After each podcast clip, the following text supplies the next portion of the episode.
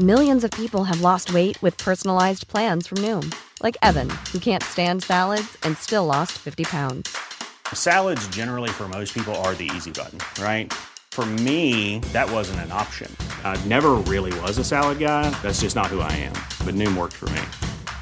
Get your personalized plan today at Noom.com. Real Noom user compensated to provide their story. In four weeks, the typical Noom user can expect to lose one to two pounds per week. Individual results may vary. Quality sleep is essential. That's why the Sleep Number Smart Bed is designed for your ever evolving sleep needs. Need a bed that's firmer or softer on either side? Helps you sleep at a comfortable temperature? Sleep Number Smart Beds let you individualize your comfort so you sleep better together. JD Power ranks Sleep Number number 1 in customer satisfaction with mattresses purchased in-store. And now, save 50% on the Sleep Number limited edition Smart Bed for a limited time. For JD Power 2023 award information, visit jdpower.com/awards. Only at a Sleep Number store or sleepnumber.com. One size fits all seems like a good idea for clothes until you try them on. Same goes for healthcare. That's why United Healthcare offers flexible, budget friendly coverage for medical, vision, dental, and more. Learn more at uh1.com. Hiring for your small business? If you're not looking for professionals on LinkedIn, you're looking in the wrong place. That's like looking for your car keys in a fish tank. LinkedIn helps you hire professionals you can't find anywhere else, even those who aren't actively searching for a new job but might be open to the perfect role. In a given month, over 70% of LinkedIn users don't even visit other leading job sites. So start looking in the right place. With LinkedIn, you can hire professionals like a professional. Post your free job on linkedin.com slash people today. I'm amazed how many people own stocks. They, they would not be able to tell you why they own it. They couldn't say in a minute or less why they own it. Actually, you really press them down, they'd say, the reason I own this is the sucker's going up. There's enough cash in the financial system, and there's an infinite amount of cash at the Federal Reserve, an infinite amount Put of cash. Put that check in a money market mutual fund. Then we'll reinvest the earnings into foreign currency accounts with compounding interest, and it's gone. So they had to do something. All they had left was just to print money and start buying things. And that's what they did. Quick buck artists come and go with every bull market, but the steady players make it through the bear market. They say money can't buy happiness. Look at the fucking smile on my face. Hej och välkommen till ett nytt avsnitt av Market Makers. Det är en ny torsdag Fabian och ett nytt avsnitt. Vi ska dock tillägga att vi spelar in det här onsdagen den 29 mars. I den så klassiska andra vintern som kommer här på sommaren, eller på, på vårkanten. Det är alltid så i Sverige att man blir lika lurad varje gång. Och så hörde jag, jag har total snöstorm här utanför fönstret och eh, du sa att du hade 12 grader hos dig. Så att, eh, det var jag inte avundsjuk på. Ja, det är ju varmare, men det är ju fuktigt och regnigt, så jag vet inte om det är en eh, vinst i sig heller. Nej, men eh, med tanke på den här snöstormen som är här utanför så tror jag att det är hyfsat fuktigt här också. men vi ska inte prata om snöstorm eller fukt för den delen. Eh, vi ska, vad ska vi prata om den här veckan egentligen? Ja, det blir lite allt möjligt den här veckan igen. Det är, vi pratar lite om Embracer, vi ska prata lite om Fed, vi ska prata lite om guldet och eh, sen förra veckan så började du prata lite om eh, teori, lite greenblatt. Och så tänkte jag att vi ska följa upp på det, för det tyckte jag var rätt, rätt kul att snacka om. Uh, så vi går, in på lite, lite teori, lite, eller snarare lite investeringstänk. Ja, men det låter spännande och Embracer blir kul. Vi fick ju lite frågor om det efter vi hade med Tench Invest här i podden och pratade gaming. Så var det flera som undrade varför frågar inte någonting om Embracer. Och eh, ja, då kan vi komma in lite på det, varför vi, tycker inte, varför vi inte längre tycker Embracer är så superintressant. Men Innan vi hoppar in på det så ska vi som vanligt påminna om att det inte är någon rådgivning eller rekommendation i podden. Vi berättar bara om vår process och hur vi tänker, gör alltid en egen analys och glöm aldrig att alla investeringar är förknippade med risk. Veckans avsnitt sponsras återigen av tradingmäklaren Robomarkets. Och de har ju en intressant nyhet. Vi pratade lite om det här för, förra veckan. De har ju nämligen lanserat ISK, så ett investeringssparkonto. Ni vet det här superfördelaktigt skattemässiga kontot eh, där man kan handla amerikanska aktier. Eh, ni vet ju redan sedan tidigare på Robomarket så kan man handla de flesta tillgångsklasserna och marknaderna via CFDs. Men nu har man alltså ett ISK där man kan handla amerikanska aktier direkt på kontot helt enkelt. Ja, så det är alltså ISK för handel med amerikanska aktier noterade på New York Stock Exchange och Nasdaq. Och det här är ju ett USD-konto, så du har dollar direkt på det här kontot, vilket betyder att du inte har de här hutlösa växlingsavgifterna som nätmäklarna tar ut. Och du har också lågt courtage, ett minimicourtage från 0,5 dollar då per eh, trade helt enkelt. Så det är väldigt, väldigt fördelaktigt för dig som vill hamna i amerikanska bolag. Ja, och en annan stor fördel är också att man inom samma plattform enkelt kan flippa över till ett CFD-konto om man exempelvis vill ta lite korta positioner eller handla lite med hävstång. Och är du nyfiken på att testa går det alltid att skapa ett demokonto för att liksom känna och klämma på plattformen. Robomarkets har ju också ett kontor i Stockholm och eh, självklart kundsupport på svenska. Vi lägger en länk på Twitter och i avsnittsbeskrivningen. Men som med alla investeringar är det viktigt att man förstår hur instrumenten fungerar och det är viktigt att vara påläst innan man handlar. Fullständig riskinformation finns på Robomarkets hemsida. Vi säger stort tack till Robomarkets. Ja, Embracer är i hetvattnet som man säger. Financial Times var det väl som la ut en artikel här i veckan som fick ju aktien att falla 15 procent. Ja, exakt. Och eh, i rapporten intervjuas bland annat Wirecard-blankaren Matt Earl från fonden Shadowfall. Um, så att det är lite, det är en rätt negativ rapport som ni hör. Uh, men... Ja, verkligen. Och framförallt lite så här guilty by association. Man slänger in Wirecard-blankare där, för Wirecard var ju ett... Eh, det var ju det här eh, kreditkort, eller vad heter det, betallösningshanteraren från Tyskland som visade sig vara ett... Eh, ja, inte bedrägeri, men de hade väl kokat böckerna eller hur det var. Så att den aktien finns ju i princip inte kvar längre. Ja, det räknas inte som bedrägeri eller? jag minns inte om det, om det var specifikt en, en fraud eller inte. De, väl, de finns väl inte kvar, så de kan inte komma hit och stämma mig om jag säger fel. Uh, ja, men egentligen, det är ingenting nytt i den här Financial Times-rapporten. Uh, det, det handlar i stort sett om att Embracer köpte studios för lite för dyrt under corona. Uh, man har liksom 11 miljarder kronor i potentiella earnouts framöver. Verksamheten är väldigt komplex. Eh, liksom, det har varit lite överaktivitet i sektorn. Eh, peak-sektor, eller cykel kanske. Och det innebär att some of the parts of Embracer troligtvis eh, är värt liksom mindre än de individuella delarna separat. Och vilket är typiskt för sådana här roll-ups. Och eh, ja, som sagt, jag tycker inte det här är något nytt egentligen. De flesta investerare har väl fattat det här med det här laget. Det är ju anledningen varför folk har varit så negativa till Embracer från start. Och många andra roll-ups inom sektorn är att det är väldigt svårt att få grepp på vad det värderas till. Um, under tech så köps saker lite för dyrt. Och eh, jag har ju varit in och ut ur Embracer. Slutändan har det alltid varit att jag inte kunnat få något grepp på vare sig uppsida eller nedsida. För du ser Eh, du ser tillväxten, du ser vinsten, men du ser inte mycket vad som händer där, däremellan.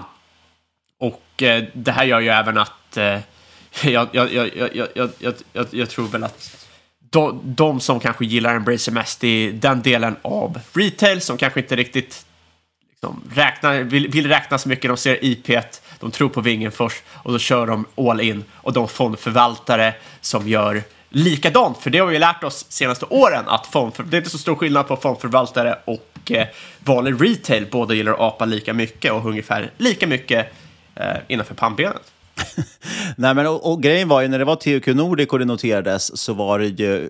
Först var det negativt för att de hade liksom mycket gamla spel, pratar man om. Sen insåg man ju att det här var faktiskt värt lite pengar ändå för att de kunde ju ta, köpa de här gamla liksom, titlarna väldigt, väldigt billigt och sen i princip rea ut dem, eh, själva spelen. Göra någon liten remaster eller någonting, rea ut dem eh, och, och tjänade väldigt bra pengar på det för att det var ju bra marginaler eftersom de inte betalade någonting nästan för titeln från början.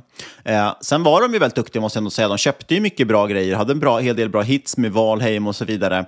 Eh, men som du säger, problemet blir ju med alla former av roll-ups att de måste ju, också, de måste ju fortsätta förvärva hela tiden. Och eh, till slut vart det ju dels dålig översyn för de gjorde så pass stora och så mycket uppköp att man, man tappar totalt koll på vad de egentligen har i sin portfölj. Eh, men också att det blir svårare och svårare att förvärva kvalitet, alltså det var svårare att hitta kvalitet. Ja. Eh, och det började bli lite tveksamma förvärv kan man tycka också mot slutet och, och antagligen till för höga prislappar sen när räntorna har gått upp. Så att, ja, nej, jag håller mig också undan från Embrace just nu. Det känns inte superspännande. Eh, inte alls lika spännande som det var precis när det noterades. Där. Ja, det är, det är problematiskt när du kör uppköpsstrategin på piken så att du köper som dyrast och sen börjar du prata om eventuella spin-offs när, när det börjar vända så du kanske måste sälja av de här billigare.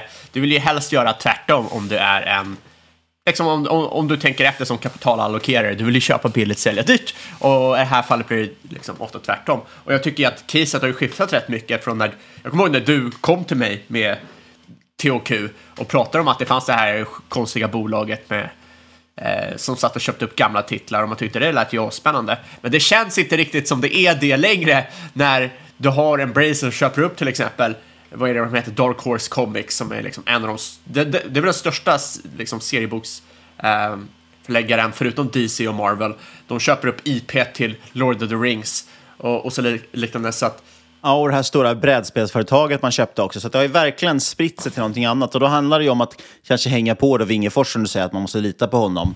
Eh, men jag tror att det är ganska svårt att, att skapa överavkastning i den, här, i den kostym de har just nu. Och som du säger, de sitter med jättemycket earnouts. Så de kommer behöva betala ut till, till tidigare förvärv och så vidare. Så det, ja, det kan nog vara väldigt svårt att generera någon form av alfa i, i, i det där skeppet. Även om det antagligen inte... Det kanske inte kommer sjunka, men det kommer heller inte vara den snabbaste båten. Nej, exakt. Och, men, men, men, men, som du säger, från början var ju strategin genial. Det var ju liksom, köp billiga studios och eh, liksom tjäna pengar på... Lite så som cigar investeringar som, som Buffett höll på med. Man, man, köper upp saker som nästan är konkursfärdiga. Man köpte upp liksom speltitlar som egentligen ingen vill ha och då kunde du köpa dem nästan gratis. Och sen kunde du bara skala upp dem så det var lite högre upplösning kanske och sälja det som en remaster billigt på Steam. Och eh, de flesta köpte det ändå fast de knappt spelade det. Eh, för det kostade liksom 20-30 spänn att köpa spelet. Eh, och så var det lite nostalgikänsla och så. Det var ju det som var genialiskt i idén. Men sen när du skiftar över till att vilja bygga ett Empirium med spel, då helt plötsligt så faller ju det bort och då börjar ju köpa dyrare saker och då kommer ju framtida avkastning bli sämre. Och då kanske det inte blir lika intressant, även om man tycker att IP-na de äger är jättekola och häftiga, kanske inte är någonting man måste ha i portföljen. Jag måste bara, apropå att lita på vdn på ett bolag. Jag såg DraftKings kom ut med sin senaste rapport här nu och hade lite sanslösa eh, utgifter rapporterade. Jag vet inte om du har sett det eh, Deras vd hade bland annat en post, eh, man har lagt in en post bland annat i, i eh, eh, bland noterna om att vdn hade åkt på Super Bowl med sin familj. För 130 000 dollar hade det kostat den resan. Nice. Eh, det är kul för aktieägarna var med på att betala 1,3 miljoner för att vdn och hans familj går på Super Bowl.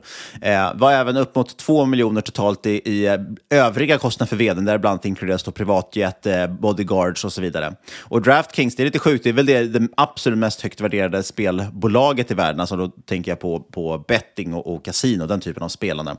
Eh, Eh, men lyckas i princip aldrig göra någon vinst, de bara bränner ju pengar. Har extrem också stock-based compensation. Ett ganska bra exempel på bolag där, verk, där man verkligen måste granska årsredovisningen ordentligt. Det, det visar ju också på hur liksom, svårt det är att lita blint på de som styr företagen. För oftast är ju management man vill ju tänka på att även från stora bolag att det är liksom genier och de är supersmarta, men oftast är det bara vanliga människor som hamnat i den rollen. De jobbar säkert hårdare än vad snittpersonen gör, men i slutändan är det bara vanliga människor.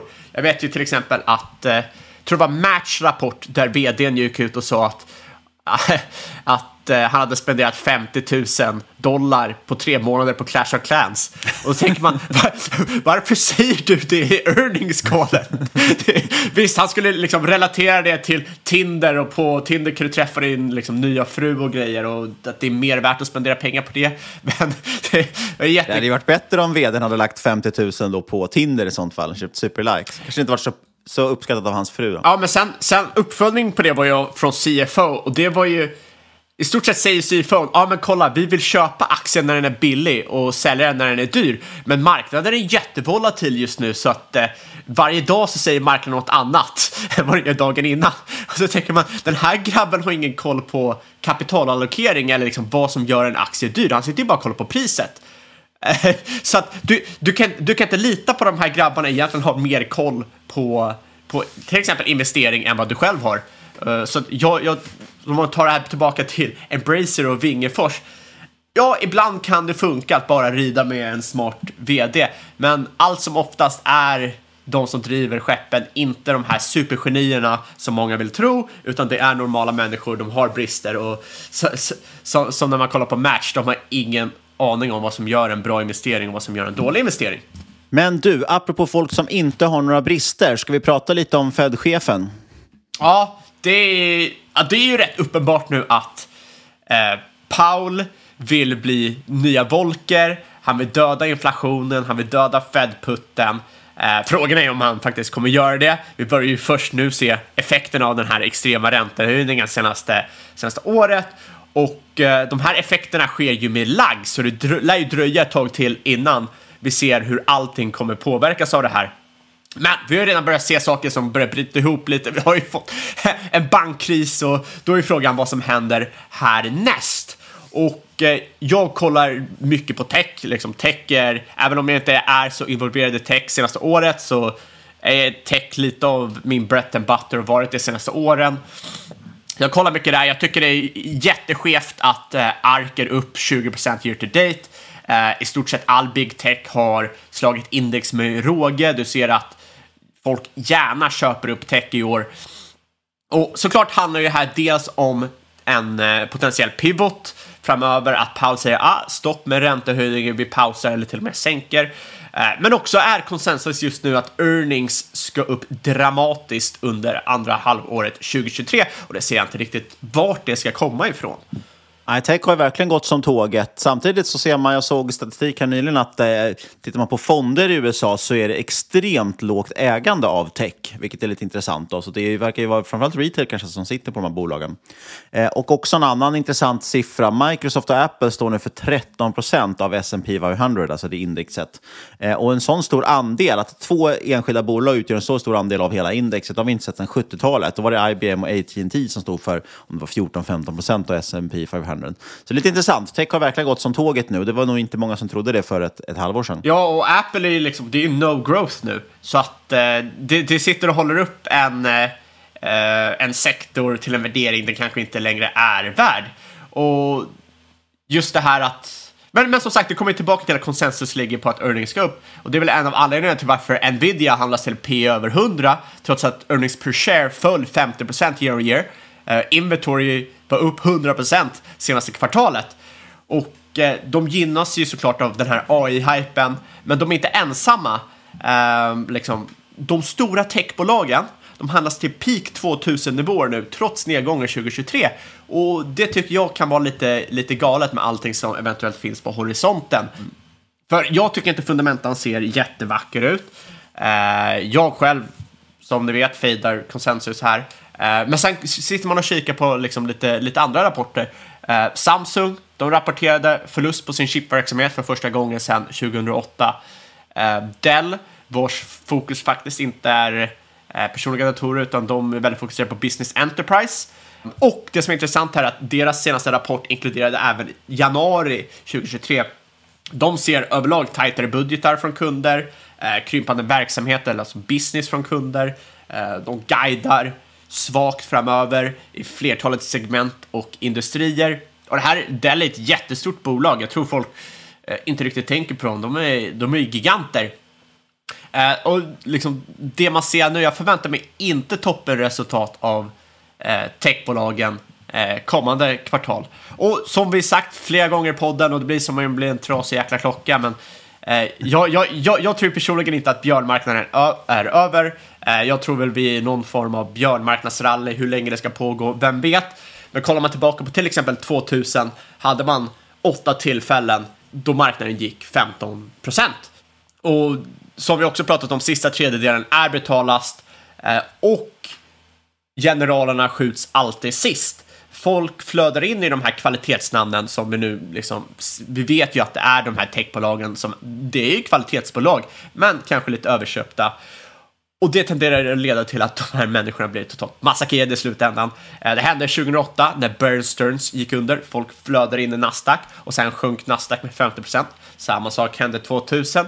Eh, liksom de stora stora techbolagen, ja det var Microsoft då också, men du hade ju även Sun Microsystems och eh, Eh, IBM och Intel och alla de, eh, de höll ju uppe marknaden. Och majoriteten och Oracle också. Majoriteten av dem, det var ju bara Microsoft som kom tillbaka till nya all time highs. Majoriteten av de bolagen är fortfarande under 2000. Ehm, men som sagt, man vet ju inte hur länge, det kan pågå. Eh, jag, jag, tycker väl att det känns liksom riskabelt att flöda in i de här kvalitetsnamnen som fortfarande är väldigt högt prissatta när det känns som det jag vet inte vad liksom, uppsida, uppsidan är. Men all, liksom allmänt, jag tycker att det är rätt svårt att hitta case nu som är utanför mina usual suspects-sektorer. Och eh, vi pratade lite om det här innan podden. Det är alltid lite, lite så här, det är, inte, det är lite halvkul att komma till podden med, med case och sen i slutsatsen, ja ah, det här är lite dyrt nu så jag väntar ner en nedgång liksom. Man har ju suttit och kollat på lite, som lite, lite techbolag, jag har kollat på till exempel Lumen Radio som tyvärr har det blivit eh, håsat i var och varannan podd och Twittertråd och liknande. Eh, sen man började kolla på det. Så det kanske inte är så jättefärskt att ta med det i podden heller. Men där var ju slutsatsen, ja, det kanske skulle behöva gå ner 25-30% tills jag skulle vilja köpa. Eh, Ja, men annars är det inget konstigt. Vi har gjort så förut också. Vi har ju pratat om många bolag som har varit kraftigt övervärderade. Det är också väldigt intressant att titta på dem och eh, mest också för att bilda sin uppfattning ifall att de faktiskt skulle gå ner så att man kan köpa dem billigare. Men apropå dina usual suspects, jag vet att avslutningsvis här så ska vi prata lite om guldruschen som vi ser just nu. Ja, vi ser en rejäl jäkla guldrush på marknaden. Eh, strax under 2000 dollar nu. Och eh, guld brukar ju prestera dåligt under glada tider och eh, desto bättre under dystra tider. Kanske därför guldet gått så extremt dåligt när vi haft eh, världens längsta bullmarknad nu. Ja, eh, absolut. Och eh, liksom, jämför man med 70-talet eller under tidigt 2000-tal när det blev sekulär nedgång i, i techmarknaden. Det var sådana tider där folk de vill ha mer, mer säkerhet, de vill ha liksom, store value. Och eh, jag skulle väl inte säga att guld har gått dåligt, det har bara inte varit någon rush. Eh, jag menar, man har ju sett higher lows som man säger sedan 2015 ungefär. Det har väl långsamt stegrat sig upp, men det har, det har inte varit någon så här super liksom, respektabel pullmarknad i guldet. Nej, alternativkostnaden har ju varit ganska stor, att inte äga aktier istället. Ja, förutom att förra veckan så påpekade vi att eh, guldet hade överkastat. Var det, var det Nasdaq eller S, eh, S&P 500? Eh, jämfört med Nasdaq var det, och eh, mot slutet av 2014. Men det beror ju mycket på att guldet har gått väldigt bra på senaste tiden och att Nasdaq har kommit ner. Ja, Uh, av, av, av, absolut. Fram, fram tills dess så var det ju betydligt bättre att äga Nasdaq. Ja, det, det är såklart sant, men mycket händer ju i långa loppet, sådana här cykler. Eh, men stora frågan är ju nu om vi liksom börjar bryta ut i en ny guldrush. Du ser att Asien köper, eh, centralbanken världen över köper. Eh, det känns inte som de tror på någon soft landing eller finansiell stabilitet här i väst i alla fall. Men som vi pratade om för några avsnitt sen i vårt kopparavsnitt så sitter institutioner här på knappt något guld alls. Det är under 1% av portföljerna jämfört med cirka 5 procent för några decennier sedan eller under piken på 70, 70-talet. Och eh, jag tycker väl att det känns rätt lägligt här att har man inte guld kan man plocka in lite. Eh, eventuellt att du ser en liksom, no, någon liten pullback. Det brukar alltid bli så när det drar väldigt, väldigt kraftigt på väldigt kort tid. Men jag menar, vad är de olika scenarierna vi sitter och leker med här? Antingen har vi eh, tung recession. Och visst, om det blir en krasch så dras ju alltid guldet mer, men överlag en recession, ja, då kanske guldet troligtvis presterar rätt bra. Eller så har du tung inflation och då kommer väl guldet också prestera rätt bra. Det blir store value. Jag tycker i alla fall det finns rätt många attraktiva scenarier man kan leka med som är eh, attraktivt för guld. Och här såklart är ju fortfarande miners väldigt intressant sätt att spela på då det är eh, levrat mot guldpriset. Eh, och miners har ju knappt rört sig på att guldpriset gått upp. Och under Q4 2022 så låg snittet för kostnaden att ta fram guld på cirka AISC som det heter, All In Sustaining Cost. Det låg på cirka 1250 dollar. Eh, guldpriset låg i snitt på eh, 1750 och det här är en marginal på 500 där. Sen är det lite andra kostnader som tillkommer också för att de ska nå break-even, men man brukar räkna på de kostnaderna. Men med guldpriset på 2000, då har ju marginalen precis ökat med 50 procent. Den är ju upp till 750 dollar från 500 och bolagen har inte re-ratats. Så det här ser, jag, jag tycker miners ser väldigt eh, intressant ut. Det största, största problemet är att hitta liksom, liksom hästar att spela på här. Jag har ju ofta kört Eh, liksom ETF, GDX, GDXI eller liknande. Att det är ju så sjukt mycket frauds i den här sektorn. Det är ju så sjukt mycket skräp. Och det, liksom, det är långt ifrån eh, liknande i någon annan sektor. Eh, så så det, det, det, är svårt att hitta liksom, intressanta spelare. Eh, oftast får du, även om du gillar att ha en tight portfölj, får du antagligen ha liksom, lite bredare ägande av eh, minor-aktier bara för att det kan vara så att även bra bolag kan ha liksom en runaway i kostnader och sen går de under. Men eh, vi sitter ju och skissar nu på ett avsnitt om miners i närtid. Om det blir nästa vecka eller näst, nästa vecka får vi väl se. Eh, men eh, ja, ty ty tycker att det verkar högintressant och väldigt lägligt. Ja, och några som köper guld är ju centralbankerna. Eh, de har handlat mer guld nu under senaste året än vad man har gjort jämfört med valfritt år under de senaste 20 åren. Så att, eh, trycket på guld verkar ju öka i alla fall. Ja, och så de minskar ju på amerikanska treasuries och de vill inte äga statspapper från USA längre. Eh, vill, vill inte ha den här eh, de vill sitta på dollarn som kan användas emot dem när som helst. Nej, precis. Det spekuleras ju mycket om det. Det är väl framförallt till exempel kinesiska centralbanken och liknande som handlar guld. Eh, och det spekuleras ju mycket i att man kanske försöker göra någon form av move nu att, att komma ifrån dollarn som världsvaluta. För som du säger, den, den kan ju användas som ett vapen mot dem. Eh, och det har ju inte ryssarna varit så eller jätteglada över det senaste året. Men vi tar och hoppar in på veckans huvuddel. Och nu blir det maraton för hela slanten. Vad kul det ska bli. Ja. Snacka, snacka löpning. Ja, exakt. Och du, du pratade ju om eh, Greenblatt eh, förra veckan och det fick mig att tänka, du vet, eh, tycker alltid det är kul att sitta och snacka lite sådana saker, vad man, vad man själv sitter och funderar på. Allting handlar ju inte bara om att eh, hitta case, det handlar ju också om hur man tänker på casen. Och därför tänkte jag att vi kan prata lite om Marathon Asset Management och deras shareholder letters som jag tror kanske är mest värda att läsa efter Berkshire Hathaway. Och de sammanfattas i boken Capital Returns som jag nämnde förra eller förra, förra veckan. Och en grundläggande bult i deras strategi är att inte bara kolla på värdering, det vill säga kika på PE eller göra en DCF för att kolla vad bolaget ska vara värt och om bolaget är billigt, utan även hålla koll på vart bolaget är i kapitalcykeln. Och det innebär i stort sett att man tar en helhetsvy för att förstå hur hållbara vinsterna är.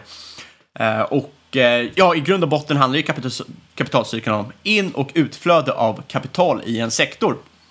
Och kapitalcykeln har ju två delar, då expansion, det är när produktion och kapacitet ökar och kontraktion då kapacitet minskar. Och när en sektor är väldigt lönsam så kommer det attrahera fler konkurrenter som börjar investera, vilket resulterar i ökad kapacitet och det här skiftar ju såklart efterfrågekurvan, vilket leder till minskad lönsamhet och detta i sin tur leder till minskad kapacitet och konsolidering i industrin. Och när det här händer så i sin tur leder ju det till eh, minskad investering, lägre utbud, vilket leder till ökad lönsamhet. Och nu ser ju den här cykeln komma. Och att förstå vart bolaget som man vill investera är i den här cykeln är rätt viktig för att inte bli tagen på sängen när vinster Eh, börjar falla. För likt hur många investerare tenderar att liksom köpa på toppen i marknaden eh, efter en lång uppgång så brukar även investerare luras in i bolag när avkastningen, alltså den interna avkastningen och vinster är på topp och liksom sälja av sen när, när det här börjar vända. Nej, men, och, och, och där är det rätt intressant. Det är ju samtidigt därför tror jag som techbolagen har varit så fantastiska de senaste åren. För att, eh, som du säger, det finns ju ändå en, en sån kapitalcykel, men den har ju lite satt ur spel av vissa bolag. Vi kan ta ett exempel, Evolution Gaming, som, som man ju under alla år tjatat om att ja, men snart kommer konkurrenterna, för det är bara att smälla upp lite webbkameror och filma av eh, live, eller live-casinobord. Hur svårt kan det vara? Någon kommer ju snart satsa på det här och då kommer lönsamheten minska. Men de har ju aldrig lyckats få någon riktig konkurrens att tala om. Och det här är väl det man har sett lite i många bolag idag, att, att det har varit svårt att konkurrera ut dem. Samtidigt som man också då ska ta med sig att en del bolag har varit enkla att konkurrera ut, vilket gör att de har sett ut som, om, om vi tänker, man brukar prata om värdefällor, bolag som ser eh, lågt värderade ut, men det finns ju också kan man säga någon form av fundamentafällor. Bolag som ser ut att ha fantastiskt fundamenta och inte kan få någon konkurrens för att sen visa sig att de hade viss konkurrens och dog ut. Eh, så det där är lite svårt dock, man måste ta, ta, till det. Det är inte bara att fundera på vart de är i kapitalcykeln, utan också fundera kanske på vart, hur bolagets kapitalcykel ser ut. Eh, och där handlar det om att titta på det här, man pratar om moats, liksom vallgrav. Vad har de för, egentligen för konkurrensfördelar? Hur enkelt är det för ett bolag? Jag menar, ta Coca-Cola som exempel eh, det spelar ingen roll hur mycket Pepsi satsar på att, att äh, skapa sin, e-, sitt eget alternativ till Coca-Cola. Folk kommer ju fortfarande inte köpa mindre Coca-Cola på grund av det. Exakt, exakt. Och så, så är det verkligen. Och ett problem som många investerare har, det, inklusive jag själv ofta, det är att man fokuserar väldigt mycket på efterfrågan i en industri. Liksom, hur många bilar kommer säljas? Hur mycket olja kommer användas? Hur många kommer spela det här spelet och så vidare. Men att förutspå efterfrågan är lite av en så här, det är lite av en fool's game. Eh, det finns ju oändligt många parametrar som kan eh, påverka efterfrågan som man ska ta hänsyn till. Och i slutändan handlar det ju liksom att du börjar extrapolera linjära trender. Och istället bör du ju snarare fokusera på utbudet, för det här går ju faktiskt att räkna på. Eh, som, som du till exempel nämner med, med Evo, det finns ju rätt begränsade eh, live, liksom begränsad mängd med live-kasinon. Eh, och då kan du ju räkna på ja, hur mycket som investeras i en industri, eh, tillgångar som byggs upp, depreciering och så vidare. Och för det är så när, när utbudet ökar, det är då eh, liksom vi ser en mean reversion och eh, investeringar i... Eh, du ser en mean reversion helt enkelt. Och eh, man ska alltid tänka på att en sektor... Man ska alltid tänka på att framtida avkastning i en sektor har en invers korrelation med investeringarna i en sektor. Så ju mer pengar man pumpar in i en sektor, liksom, desto lägre kommer framtida avkastningen bli. Ja, för där, någonstans kan man ju, låt oss ta Evo som exempel igen då. Eh, det är väldigt svårt att, att, titta på efterfrågan och att avgöra den som du säger. Eh, det går ju att dels dra ut liksom, linjen i all oändlighet och säga att all landbaserad kasino kommer gå till online. Det går också att hävda motsats, att nej, men efter corona skulle folk vilja gå tillbaka till, till fysiska kasinon istället för online till exempel.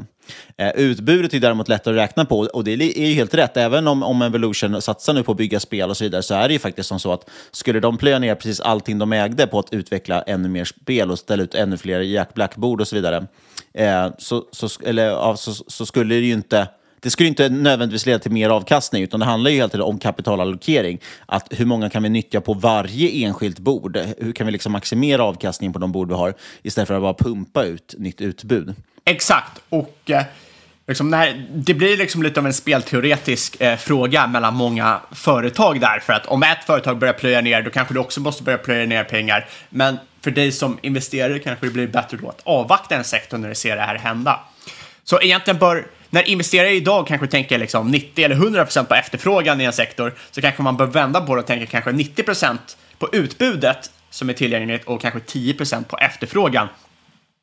Och viktigt här är att tänka på också att jag menar, beslut som tas idag kan påverka sektorn först om flera år och under tiden så kan man ju bli inlurad i en sektor som är överlönsam.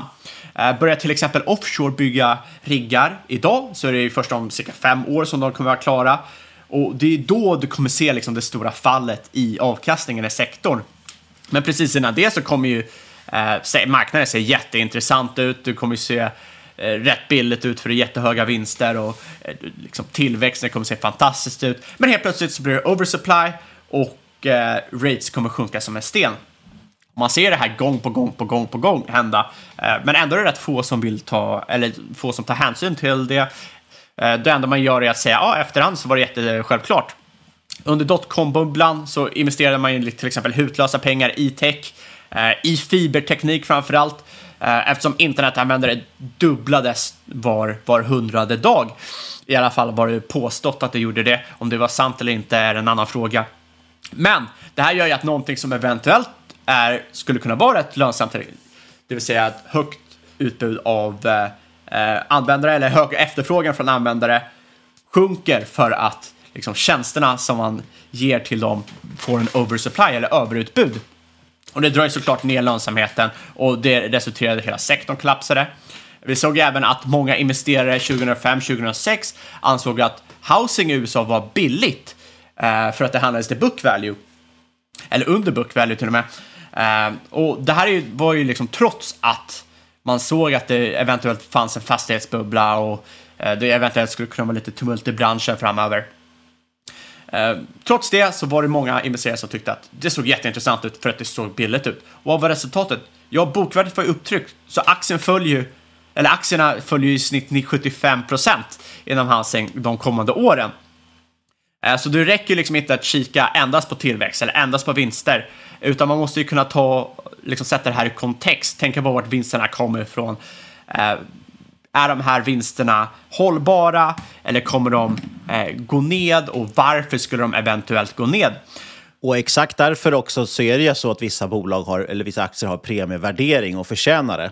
Eh, för att de ju har visat att de över tid kan vara uthålliga i sin vinsttillväxt till exempel. Eh, och då är det klart att folk betalar mer för den typen av bolag. Exakt, och det här gör ju att det här är en anledning varför liksom, bolag som eventuellt ser dyrare ut på traditionella metrics, på P talet och liknande, egentligen kan vara rätt billiga på grund av deras överlönsamhet och inga andra kan Eh, komma in och eh, störa dem i, i cykeln. Men man ser ju samma sak hända i liksom, shipping, offshore energi, mining. Och jag tycker det är rätt intressant nu att tänka på vart man till exempel är i fastighetssektorn. Nu när man ser att det börjar vända. Nu när man ser att eventuellt bolag kommer ha lite problem att eh, rulla sina obligationer, kan eventuellt få lite konsolidering. Vill man då köpa när det vänder ner eller vill man vänta till man kanske är lite mer på botten då det ser ut som avkastningen är horribel för de här bolagen. Ja, för just, just nu så ser ju det de har på balansräkningarna ganska bra ut på många fastighetsbolag. Det tråkiga är ju sen när man, om man måste börja sälja av de här sakerna och finansieringen är dyr och det finns inte så många köpare, då helt plötsligt kan det visa att de, här, de värdena som är upptagna i bokbalansräkningen är inte de värdena som, som husen längre har. Precis som du var inne på med housing, där att ja, det handlas till bokvärde, men det visar sig att bokvärdet inte stämde. Det säger att de har bokfört dem för ett högre värde än vad de egentligen är värda eh, när det väl svänger på marknaden. De kanske var värda det innan. Eh, exakt, och liknande kan man ju säga med tech. Nu börjar man se mycket cost-cutting och liknande. Är det intressant att köpa nu eller är det intressant att köpa eh, i botten av cykeln? Och, eller precis när det börjar vända? Ja, så jag, jag, jag, jag tycker det här är, det är väldigt intressant och det har skiftat lite mitt perspektiv hur man tänker på, eh, på investeringar. För jag har ju, jag, jag, jag har ju såklart alltid kollat fundamentalt, men jag har också mycket kollat på makrocykeln. Eh, och makrocykeln har, är väl rätt relaterat till kapitalcykeln, men det är fortfarande annorlunda. Du kollar mer på inflationen och du kollar på räntan och eh, tillväxt och så vidare. Så jag, jag, jag, jag, tycker att det här är en väldigt eh, ja, intressant, viktig aspekt att ta hänsyn till. Det är många liksom, fundamentala investerare som endast kollar på balansräkningen eller resultaträkningen och det som faktiskt står från bolaget och har någon typ av stolthet över det här. Man kollar inte på någonting annat. Men jag tror att det är väldigt enkelt att du missar helhetssynen där. Eh, som om man lyssnar på eh, gamla erfarna eh, investerare eh, så är det rätt vanligt att man gör det. Jag lyssnade på en, ett avsnitt med David Einhorn igår, jag tror det var på Invest Like the Best, och han sa ju det, hur otroligt många gånger han missade helheten för att han var så djupt fokuserad i området och liksom inte såg den bredare kontexten. Inget i den här podcasten ska ses som rådgivning. Alla åsikter var egna eller av gäst och eventuella sponsorer tar inget ansvar för det som sägs i podden. Tänk på att alla investeringar är förknippade med risk och sker under eget ansvar. Vi vill rikta ett stort tack till vår sponsor Robomarkets. Gå in och kika in deras ISK för amerikanska aktier. Eh, jag tror inte att det finns något mer fördelaktigt sätt att handla amerikanska aktier i Sverige idag. Så kolla in det. Ja, och kontakta oss på podcast at marketmakers.se eller på Twitter och eucaps at marketmakerspod och lämna gärna en recension på iTunes. Och sist, men absolut inte minst, kära lyssnare, stort tack för att just du har lyssnat. Vi hörs igen om en vecka.